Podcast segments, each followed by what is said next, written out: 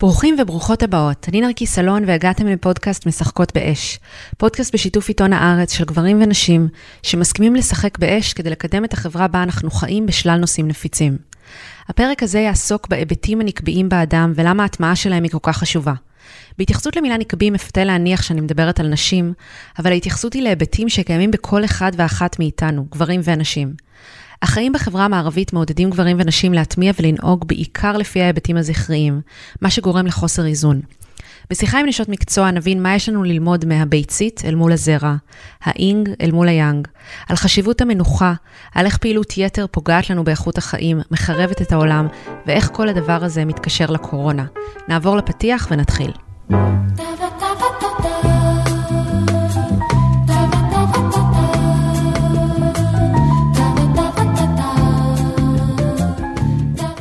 רינת שרצר היא מהנדסת ביוטכנולוגיה, חוקרת ומעצבת חווייתית רב-תחומית. היא פיתחה מתודולוגיה אשר משלבת עקרונות ממדעי המוח ועיצוב חווייתי, שמלמדת איך למנף את העוצמות הנקביות והזכריות בתהליכי חדשנות. את המתודולוגיה שפיתחה היא מלמדת בחברות ענק כמו מייקרוסופט ומוסדות גבוהים כמו קולומביה וקורנל. היי רינת. אהלן. תודה שבאת. אז uh, דבר ראשון מעניין אותי לדעת איך הגעת בכלל ללהסתכל על עוצמות נקביות וזכריות ומה זה אומר. שנים רבות ביליתי בלנסות להיות כמו גברים בעולם של גברים כדי להצליח, אה, אם זה להיות אה, מאוד אסרטיבית ומלאת אה, אה, כוח פורץ קדימה כל הזמן. אה, והדבר הזה בעצם כשל לי אה, באיזשהו שלב. הגוף שלי לא, לא, לא עמד במרוץ האינסופי הזה. היית בעבודה מאוד תובענית. כן, אה, עבדתי בעולם הסטארט-אפים והייתה לי עבודה מאוד מאוד תובענית. ולמרות שכביכול הכל עבד כמו שצריך, זה היה מאוד מוצלח, בעצם הגוף שלי אותת לי שזה לא הדרך אה, הנכונה עבורי. בסופו של דבר אובחנתי עם איזושהי אה, הפרעה הורמונלית שלקחה אותי למסע מאוד מאוד ארוך. עם איזה הפרעה, אם אפשר לשאול? כן, שחלות פוליציסטיות, mm-hmm. שזה אולי ההפרעה ההורמונלית הכי אה, נפוצה בקרב נשים. ויש המון אה, דברים מאוד מעניינים לגבי. לגבי שחלות פוליטיסטיות, שלמרות שזה ההפרעה הכי נפוצה, בערך לאחת מעשר נשים יש את זה, יש לזה השלכות מאוד מאוד uh, קשות, כמו בעיות בפוריות, סרטן, uh, סכרת, בעיות לב. רפואה מערבית לא מצאה לזה שום פתרון. ובעצם מה שאומרים לנשים בדרך כלל זה לקחת גלולות, שזה פשוט uh, להשתיק את הגוף, במקום באמת לטפל בבעיה. וכשאני אובחנתי עם שחלות פוליציסטיות, בעצם החלטתי שבמקום לקחת גלולות ולהשתיק את הגוף שלי, אני הולכת uh, לחקור מה, מה זה אומר ואיך uh, להסדיר את הגוף שלי. פרשתי מהעולם המרוצי הזה, הגברי הזה, והלכתי ללמוד הרבה על, uh, על הגוף שלי ועל החוכמה של, של המחזור הנשי.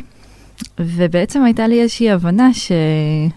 אחד הסימפטומים של שחלות פוליציסטיות בעצם זה עודף טסטוסטרון בגוף. זה משהו שלא הרבה יודעים, שגם לנשים וגם לגברים יש הורמונים נשיים וגבריים. אה, אז גם לנשים יש טסטוסטרון.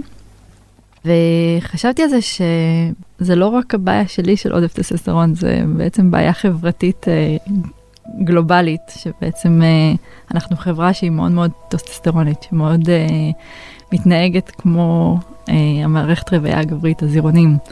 אנחנו כולנו רצים למטרה, אה, יש מנצח אחד, כל השאר מפסידים, זה איזשהו משחק כזה zero sum, זה או שאתה מנצח או שאתה מפסיד. Uh, ובעצם uh, המדדי ההצלחה הם, הם בינאריים, הם 0 או 1, וככה אנחנו מתייחסים uh, להמון דברים בחברה שלנו, אם זה הצלחות uh, עסקיות, uh, הצלחות ב, uh, במערכות חינוכיות, uh, הצלחות אישיות. חשבתי על זה שכדי לייצר חיים, אנחנו צריכים גם את הזרע וגם את הביצית. ובתור uh, חברה, שכחנו לגמרי מה זה אומר האיכויות האלה של, ה, של הביצית, מה זה אומר החוכמה הזאת שהיא מביאה איתה, uh, ואיך בעצם אפשר להגיע לאינטגרציה הזאת ולשילוב של שניהם כדי לייצר חיים. אז זה uh, מרתק, זה גם לא נראה לי צירוף מקרים שאני בדיוק במחזור, כשאני עושה את הרעיון הזה איתך. אה, ואחד הדברים שרציתי לשאול אותך, באמת, את מדברת על זה גם בראיונות אחרים ששמעתי, שיש המון חוסר ידע ובורות לגבי מה זה בכלל המחזור הנשי. לצורך העניין, אחד הדברים ששמעתי אותך אומרת זה הרבה פעמים נשים בתסמונת הטרום-ויסטית, כשהרבה פעמים אנחנו יכולות להיות עצבניות או קצרות, מהמם. אז קוראים לנו הורמונליות, אבל זה דווקא הזמן שבו אנחנו הכי פחות הורמונליות, נכון. ובעצם כל הזמן החברה הזאת מתנהלת על ידי הורמונים, גברים ונשים, אז רציתי שקצת תדברי על זה, וגם לקשר, אם את יכולה, לטפשת הריון ולחוכמה שדווקא יש לנשים במחזור. בטח. אמ, אז קודם כל אני אדבר באמת על מה שאת אומרת, על ה-PMS, על ה... אה, התסמונת טרום-ויסטית. כן. אה, בעצם בתקופה הזאת של לפני המחזור, בערך שבוע לפני המחזור, הגוף מבין ש... שהביצית לא הופרטה, והוא בעצם מכין את עצמו, אין תינוק. שאין תינוק. כן. כן. אה, הוא מכין את עצמו ל... לסוג של אה, התנקות והתחדשות, כדי שהוא יוכל להגיע. להתחיל שוב מחזור חדש ולייצר אופציה לחיים חדשים. אה, אז התהליך הזה, התהליך הזה של ההתנקות, הוא בעצם, אה, בתהליך, בשלב הזה יש ירידה מאוד חדה של אה, הורמונים. אה, אז בעצם אה, ה- הרגישות הזאת שאנחנו מרגישים זה הרגישות של, ה, של הריק הזה, של פתאום שיש את הצניחה הזאת, ובאופן מאוד אה, אירוני או מפתיע בעצם ההורמון היחידי שהוא נשאר אה, ב-level אחיד זה הטסטסטרון. אז בתקופה הזאת אנחנו עצבניות, אנחנו הכי קרובות ללהיות גברים זה בעצם. קטע, כן. אמ, יש לנו קצת איזשהו מבט אה, לגבי איך זה להיות גבר בימים האלה, אבל בחברה שלנו מתייחסים לזה כאילו אנחנו, כן, הורמונליות, עצבניות אה, ורגישות, ובאמת אנחנו יותר רגישות, כי באמת אה, מה שקורה, שבצניחה הזאת של, ה, של ההורמונים, בעצם נוצר ריק, ובתוך הריק הזה אנחנו בעצם מקבלים איזושהי אה, אינדיקציה למה הדברים בחיים שלנו שמפריעים לנו. לתוך הריק הזה תמיד נשאבים הדברים שקשים לנו. ורוב מה שאנחנו רגילות לעשות זה איכשהו למסמס את זה, להעביר את זה, להמשיך את הריצה של החיים, להמשיך בעבודה, להמשיך אה, באמת במרוץ הזה שיצר לנו בחברה המערבית. אבל התקופה הזאת, הטרום-ויסטית, היא בעצם תקופה שיש בה מתנה ענקית בלהסתכל על מה הם הדברים האלה שמפריעים לנו, מה קורה לנו באותם ימים ש... שלא מניח לנו את הדעת, וזה זה בעצם מסרים מאוד חזקים למה אנחנו צריכים לשחרר מהחיים שלנו, על מה אנחנו צריכים לעבוד בחיים שלנו. אמ, אבל כמו הרבה דברים בחברה המערבית, שאנחנו באיזשהו go go go זירוני כזה, אנחנו לא אה, עוצרים שנייה. ונותנים מקום ל, למסרים האלה לחדור ובאמת אה, לעשות איתם איזושהי עבודה. ולצורך העניין, בזמן הדימום, זה באמת מהמם. זמן ש... שאתה רואה, יש נתונים שמראים שיש לנו אפילו אינטליגנציה רחבה יותר. נכון, אז אה, הזמן המחזור? הוא זמן קסם באמת, אה, זה זמן שבעצם, שוב, בחברה המערבית שלנו אנחנו כל כך אה, מתביישים בו, ובנות במחזור תמיד מח- מתחבאות ומחביאות את, ה- את הטמפון כשהן הולכות לשירותים, ו... אבל זה זמן אה, שמבחינה ביולוגית, מה שקורה במוח, יש אה, אה, תקשורת הכי חזקה בין האונה הימנית והאונה השמאלית, זאת אומרת שרעיונות מעולם ה... הרוח, האבסטרקט, האומנות, יש להם גישה יותר אה, מהירה וטובה לעולם, ה, לעולם הגשמי ולעולם הפרקטי. זאת אומרת שבגדול זה הזמן שלנו לקבל מסרים והאינטואיציה שלנו מאוד מאוד גבוהה. אה, וכל מי שמרגיש שזה איזשהו משהו רוחני, אז זה ממש, זה... מעוגן במדע. מעוגן במדע, אה, שבאמת יש מעבר יותר חד אה, או יותר חופשי בין שתי האומנות. אז באמת, קודם דיברת על זה שאנחנו צריכים ליצור חברה שהיא כמובן גם וגם, ושהיום רוב החברה מתנהלת בצורה שהיא זירעונית. אז אני רוצה שתנסי לתאר לנו איך נראית חשיבה או חברה שמובלת גם על ידי חשיבה של ביצית. מהמם, כן. אז בעצם אה, חש... ה- חוכמת הביצית היא, היא מאוד דומה לתהליכים בטבע בכלל, היא, היא מחזורית. והיא מאוד דומה לעונות השנה, לשלבים השונים של הירח, ליום וללילה, אה, לגאות ולשפל. בעצם, אה, אם אנחנו מסתכלים על הטבע, הטבע עובד ב, בצורה מחזורית, ובמחזוריות יש מקום גם לשלב הזה של הלפרוץ קדימה ולהניע תהליכים, ושזה ובעצם איזושהי פריחה מאוד גדולה, וגם תקופה של, של שלכת, של אה, לתת לדברים אה, אה, אה, למות בעצם, וזמן של, שאולי הכי חשוב, זה זמן של התחדשות אה, וזמן של מנוחה. שזה משהו ששוב בחברה המערבית לגמרי הוצאנו את שני החצאים, המחזור הנשי הוא בעצם מחולק לארבעה שלבים כמו עונות השנה. ובעצם השלבים המקבילים, שזה התקופה הטרום-ויסטית שהיא יותר דומה ל... אה, לסתיו, ותקופה של המחזור שהיא יותר דומה לחורף, זה שתי תקופות שלגמרי הוצאנו אותה מהמערכת המערבית. אנחנו תקועים כל הזמן ב, אה, באביב ובקיץ, כל הזמן בעשייה. אה, ובעצם עשייה, ההיפר עשייה הזאת, וההיפר, אנחנו רואים את זה בכל דבר, ההיפר ייצור של מוצרים וצריכה, ואפילו אם אנחנו מסתכלים על תרבות ה... ה dating, אז אם חושבים על טינדר זה הכל על הכמויות ועל עוד swipe ועוד swipe ועוד swipe. אה, והכל באמת הוא באיזה, באיזה תודעה זרעונית מאוד גדולה של אה, מיליונים של, אה, של ניסיונות כדי לייצר משהו אחד. ובאמת בחברה שלנו שכחנו משני השלבים האלה, שזה השלב האחד זה לאפשר לדברים ליפול, להשיל את עצמם, והשלב שבאמת של המנוחה. אמ, אז זה דבר אחד שאני מדברת עליו המון, על הכוח של באמת, אה, של המנוחה ושל השחרור אה, ושל הקבלה.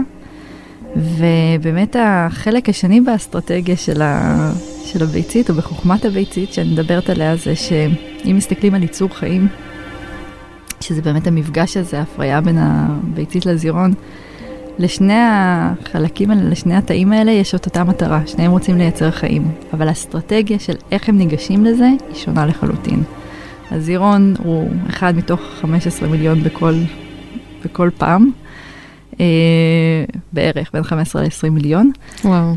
והוא באמת אה, צריך לנוע ולהגיע, והוא אחד ל...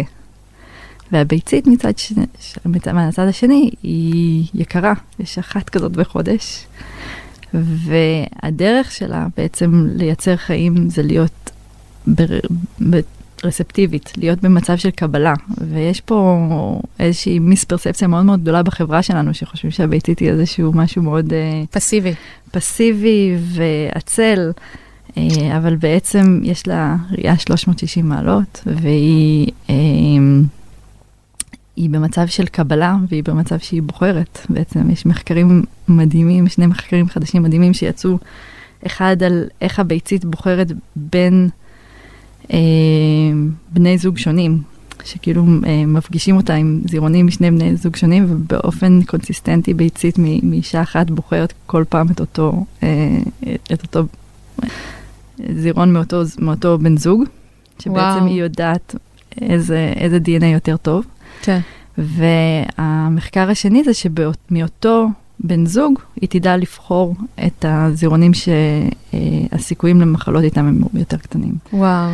אז uh, יש איזו חוכמה מטורפת בלהיות הרספטיבי ולאפשר לדברים להגיע אליך. אנחנו בחברה שלנו כל היום רק רצים אחרי הדבר הבא, אחרי הפרויקט הבא, אחרי הלקוח הבא. אה, מייצרים כמה שיותר, יוצאים עם כמה שיותר גברים בטינדר, קונים כמה שיותר בגדים ב fast fashion. אה, ובעצם תודעת הביצית אומרת, רגע, שנייה, מה אם אני פשוט אהיה ואתן לזה להגיע אליי, ואז אני אוכל לבחור. אה, וזה שתי אסטרטגיות שונות להגיע לאותה מטרה של ייצור חיים, וצריך את שתיהן. זה קטע, כי אני ממש זוכרת כילדה שכשהראו לנו את הסרטונים המצוירים שמסבירים איך מגיעים ילדים לעולם, אז מראים את הזרע, כאילו הכל מנקודת המבט של הזרע, זה מסע הגיבור, ואז בסוף יש את הביצית. ו... שהיא שם. כן, וזה כל כך מעניין ששומעים את זה, מה קורה במקביל. אמ, אז באמת מעניין אותי אפילו אה, לקרקע עוד קצת, כי שוב, ברור שצריך את שניהם, אבל באמת החשיבה, ה mindset של הזרעון מאוד מוכר לכולנו בחברה המערבית, אז אני רוצה עוד לקרקע את החשיבה הזאת של הביצית. ובכל העולם מקצועי, נניח אה, לדחוף, לדחוף, לדחוף, ואז פשוט באיזשהו שלב לשחרר, ככה את רואה את השילוב הזה?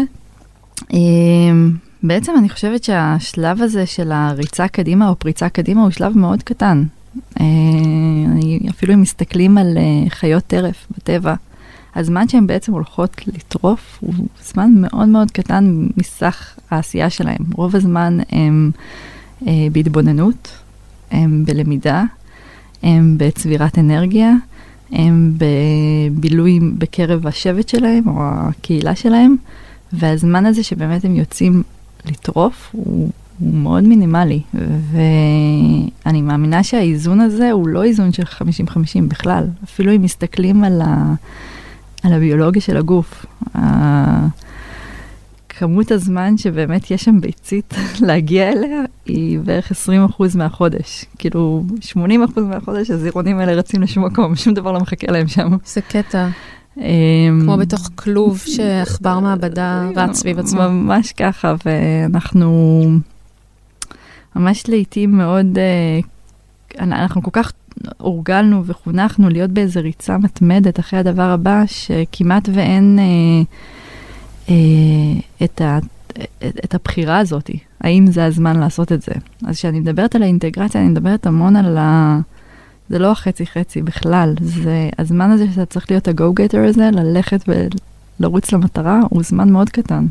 שאר הזמן זה זמן לתכנון, זה זמן לאהבה, זה זמן לבילויים, זה זמן ליצירה, אה, זה זמן להתכווננות, ויש 20% מהזמן שצריך ללכת ובאמת...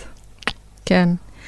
אז את יודעת, אני מרגישה שאת מדברת על האינטגרציה, את באמת מתארת איזושהי תמונת מצב עתידית שבעולם באמת גברים ונשים ידעו לעבוד בשיתוף פעולה, וכל אחד עם עצמו ידע לעבוד באינטגרציה עם האנרגיות האלה שקיימות בתוכו נכון. ובתוכה. והרבה ממה שאנחנו עושים בפודקאסט הזה, זה באמת להסתכל אה, על הרבה מהכאב גם, וה... הפערים שיש בין גברים ונשים. Mm-hmm. ואני רואה מהפודקאסט וגם מהקהילה שיש לנו סביב הפודקאסט, שבכלל להשתמש במושג זכרי, נקבי, מעלה המון המון התנגדויות באנשים. נכון. שאפילו אם את אומרת עשר פעמים, לכולם יש זכרי ונקבי, עדיין... יש כאלה שמפרשים שזה שאת אומרת שאינטואיציה זה נקבי ואסרטיביות זה זכרי, זה ממש ממש יעצבן אותם. אז איך את מתמודדת עם ההתנגדות הזאת, ואיך מנכ"לים מגיבים בכלל כשאת עובדת בחברות? אה, אז קודם כל, אני כן, אני עובדת הרבה על להסביר שזה באמת משהו שהוא נמצא אצל כולם, ו, אה, ואני עובדת הרבה באמת גם לשנות את, ה, את הגישה הזאת שהרך או העדין או האינטואיטיבי אה, הוא פחות נחשב מהביצועיסטי פורץ קדימה, אה, שבאמת, באמת שניהם חיוניים לתוך עשייה, ולכל אחד יש את שניהם. אה, והדרך שאני אני ניגשת לזה היא באמת, אני חושבת שהייחודיות בהסתכלות הזאת על מערכת הרוויה זה שזה מאוד נוגע לביולוגיה, וזה מאוד, אה, הראש האנליטי, המוח השמאלי, יכול לקבל את זה ביותר קלות. אז אם אני מדברת באמת על הביולוגיה, של מערכת הרוויה, זה כאילו נותן לי איזושהי כניסה פנימה למנכ"לים שחושבים מאוד מאוד אה, אנליטי. אה, אני מדברת על, על המדע ועל הביולוגיה, וזה באמת עוזר לי. והעובדה הקיימת היא שכל אחד שנמצא כאן בעולם היום, הוא השילוב הזה של הזרע והביצית. נכון, ככה הגענו. ככה הגענו. כן. אז... אז אפשר, אפשר להתנגד, וזה גם בסדר להתנגד. להתנגד מבחינתי גם אומר שנגעתי שם באיזשהו עצב חשוף. כאילו זה, זה גם אינדיקציה ש, שיש פה נושא שצריך לפרום אותו, לדבר עליו, ל, לעבוד איתו. אה, אני לא מפחדת מהתנגדות. אני גם מאוד אהבתי, קראתי גם משהו שכתבת, שאת שואלת עצמך במצבים מסוימים, מה הביצית הייתה עושה? לגמרי, לגמרי. כל פעם שאני מוצאת את עצמי באיזה ריצה מטורפת כזאת ואני לא, לא, לא מצליחה, לא, לא מגיעה, לא, זה לא עובד, משהו שם לא עובד, אני עוצרת את עצמי ואני שואלת מה הביצית הייתה עושה עכשיו, מה אם במקום לרוץ אחרי הדבר הייתי נותנת לו להגיע אליי, אה, וממקום של כוח וממקום של בחירה. זו גרסה טובה יותר ל-What would Beyoncé do. What would the egg do, כן. אמ, אז אה, שאלה אחרונה באמת, אה, מה את חושבת שהקורונה באה להגיד לנו עכשיו? זה גם שם אותנו כן. באיזשהו מצב אה, כמעט כפוי. של לזוז לאיזושהי מנוחה מסוימת. נכון, בטח. אז מבחינתי הקורונה זה ממש הביצית בהתגלמותה, אנחנו כאילו היינו בריצה זירונית כזאת אינסופית שהיא באמת, היא לא, לאורך זמן היא לא יכולה לייצר חיים, אנחנו מרוקנים את כדור הארץ מה, מהמשאבים שלו, אנחנו אה, מעבידים את, ה, אה, את האוכלוסייה ב, ב, ברמה שהיא לא, שהיא לא סבירה. באמת אה, הקורונה והביצית מאוד דומות גם בצורה שלהם, שהן אה, ממש אה, מכריחות אותנו להתכנסות פנימה הזאת, ומכריחות אותנו לשנייה לעצור ולעמוד מחדש על מה, מה נכון ומה לא נכון בחיים שלנו. וזה בדיוק השלבים האלה שדיברתי עליהם, על הסתיו והחורף במחזור. זה בדיוק קיבלנו את ההזדמנות הזאת של הסתיו והחורף, של להבין מה עובד, מה לא עובד, מה אנחנו משחררים, מה אנחנו לוקחים איתנו הלאה, ושנייה רגע לעשות פוס.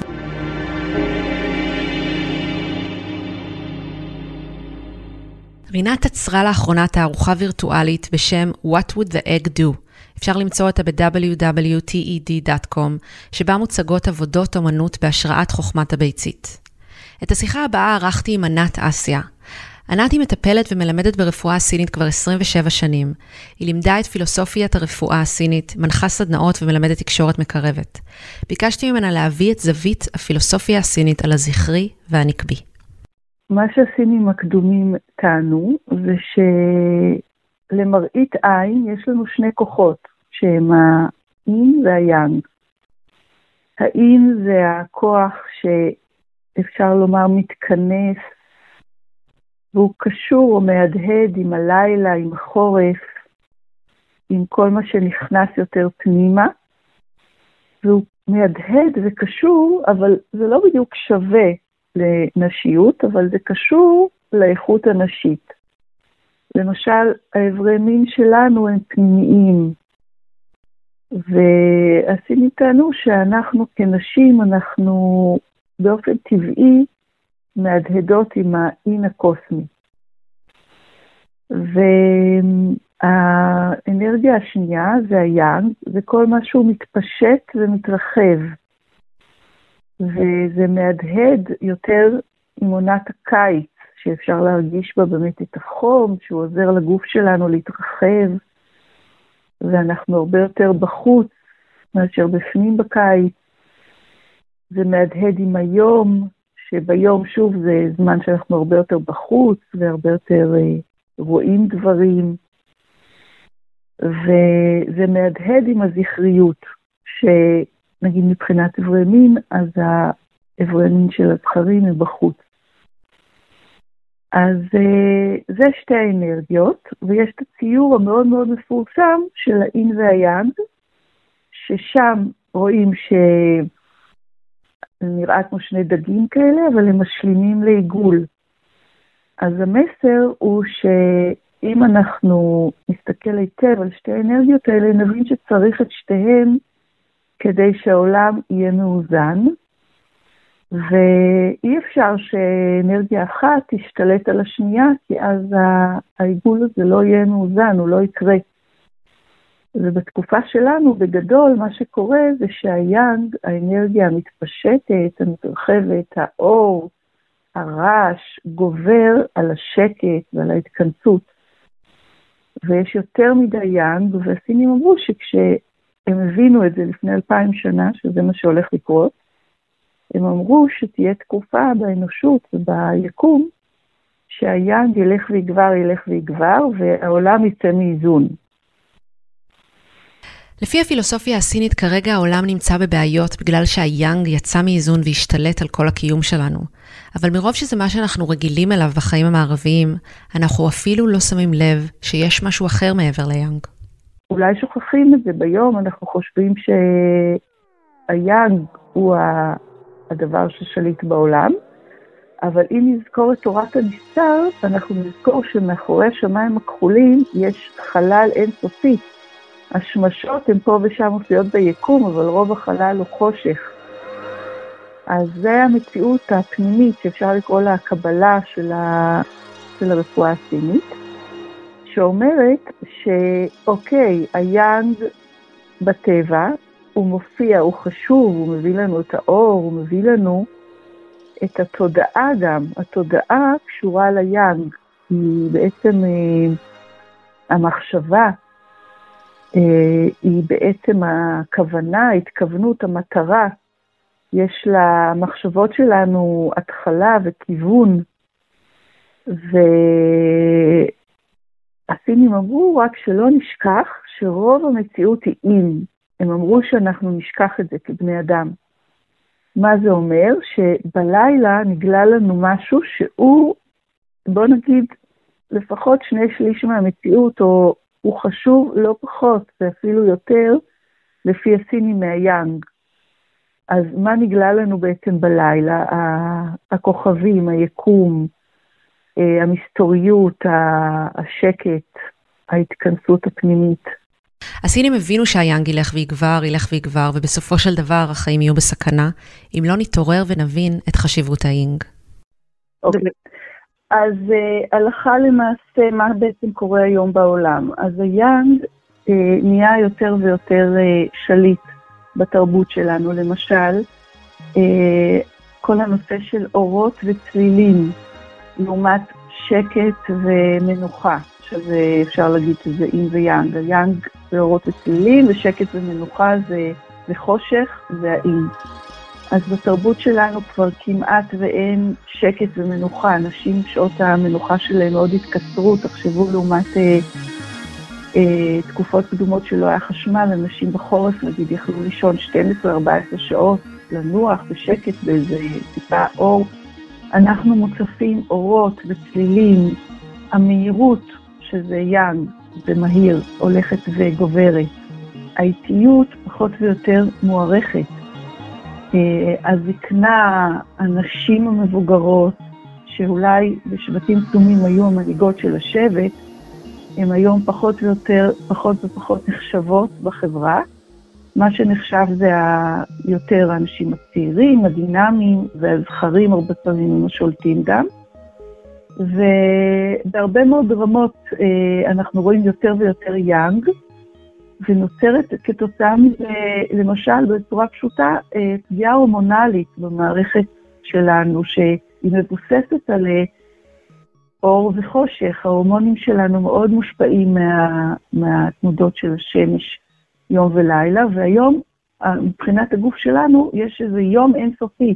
אפילו בלילה אנשים רואים סרטים עם הרבה מאוד אקשן, ומעלים את האדרנלין, והם פעילים בתוך שעות הלילה ואוכלים בלילה, שזו פעולה מאוד מאוד יאנגית, ובעצם פוגעים באין, האין הולך ומתמעט. עכשיו, בכדור הארץ אנחנו גם רואים את זה, מקורות המים וכל הנושא של המים בעולם. יש התייבשות, שמים זה נחשב האין. אז uh, בהרבה מאוד רמות אנחנו uh, רואים שהאין הולך ונפגע. עכשיו, איפה התיקון? אה, להיות מוכנים להיות בכאוס, לא לדעת ישר את התשובה, אלא להיות במקום הפתוח ולהקשיב, להיות בהקשבה עמוקה לכל הקולות של החיים שעולים, לכל האפשרויות, ורק אז להגיע ל- לעשייה והחלטה. ואיך זה קשור למנהיגות? אז בתוך כולנו, גברים ונשים, יש יין ויאנג. שאלתי את ענת האם לדעתה יש דברים שונים שגברים ונשים צריכים לשים לב אליהם כדי להגיע לאיזון פנימי. אנחנו, אמ, אנחנו קשורות לאין הקוסמי באופן טבעי. בגוף שלנו, ברחם שלנו, בהולדה שלנו, בחיבור שלנו לטבע, שהוא מאוד מאוד חזק. והשיעור שלנו הוא אה, באמת אה, להבין את זה, את הקשר הזה, ולשים לב שבתוך הנפש שלנו יש את ההיפוך יש לנו שם איזשהו, אה, לפי הסיני וגם לפי יום בדרך אגב, יש לנשים לפעמים אמונות נורא מוצקות שהן מאמינות בהן, או איזשהו אה, משהו כזה דווקא נוקשה.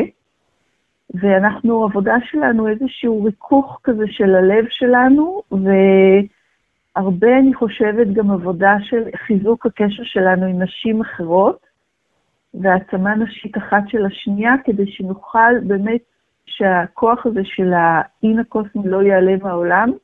ברגע שאנחנו מתקבצות הרבה נשים ביחד, הכוח הזה פתאום הוא ברור לנו. קל לנו לשכוח את הכוח שיש לנו כנשים שאנחנו מול גברים, בגלל המבנה של האין והיאנג. העבודה הפנימית של הגברים היא שונה. אצלהם יש, היאנג הוא מאוד בולט, אה, הרבה גברים צעירים נגיד, הם נורא חשוב להם לשים מטרות, להצליח, והעבודה שלהם היא למצוא בכלל את האין הפנימי שבתוכם ולגלות אותו, הם, אה, ברגע שהם מגלים אותו, הם מתחילים להיפתח לעולם של, של רגשות, של תת-מודע, של מורכבויות, החיבור לטבע, לאקולוגיה. כל הדברים שהסינים קראו להם חיבור לאין הקוסמי, הם מתחילים פתאום לבצבץ ולהופיע שם.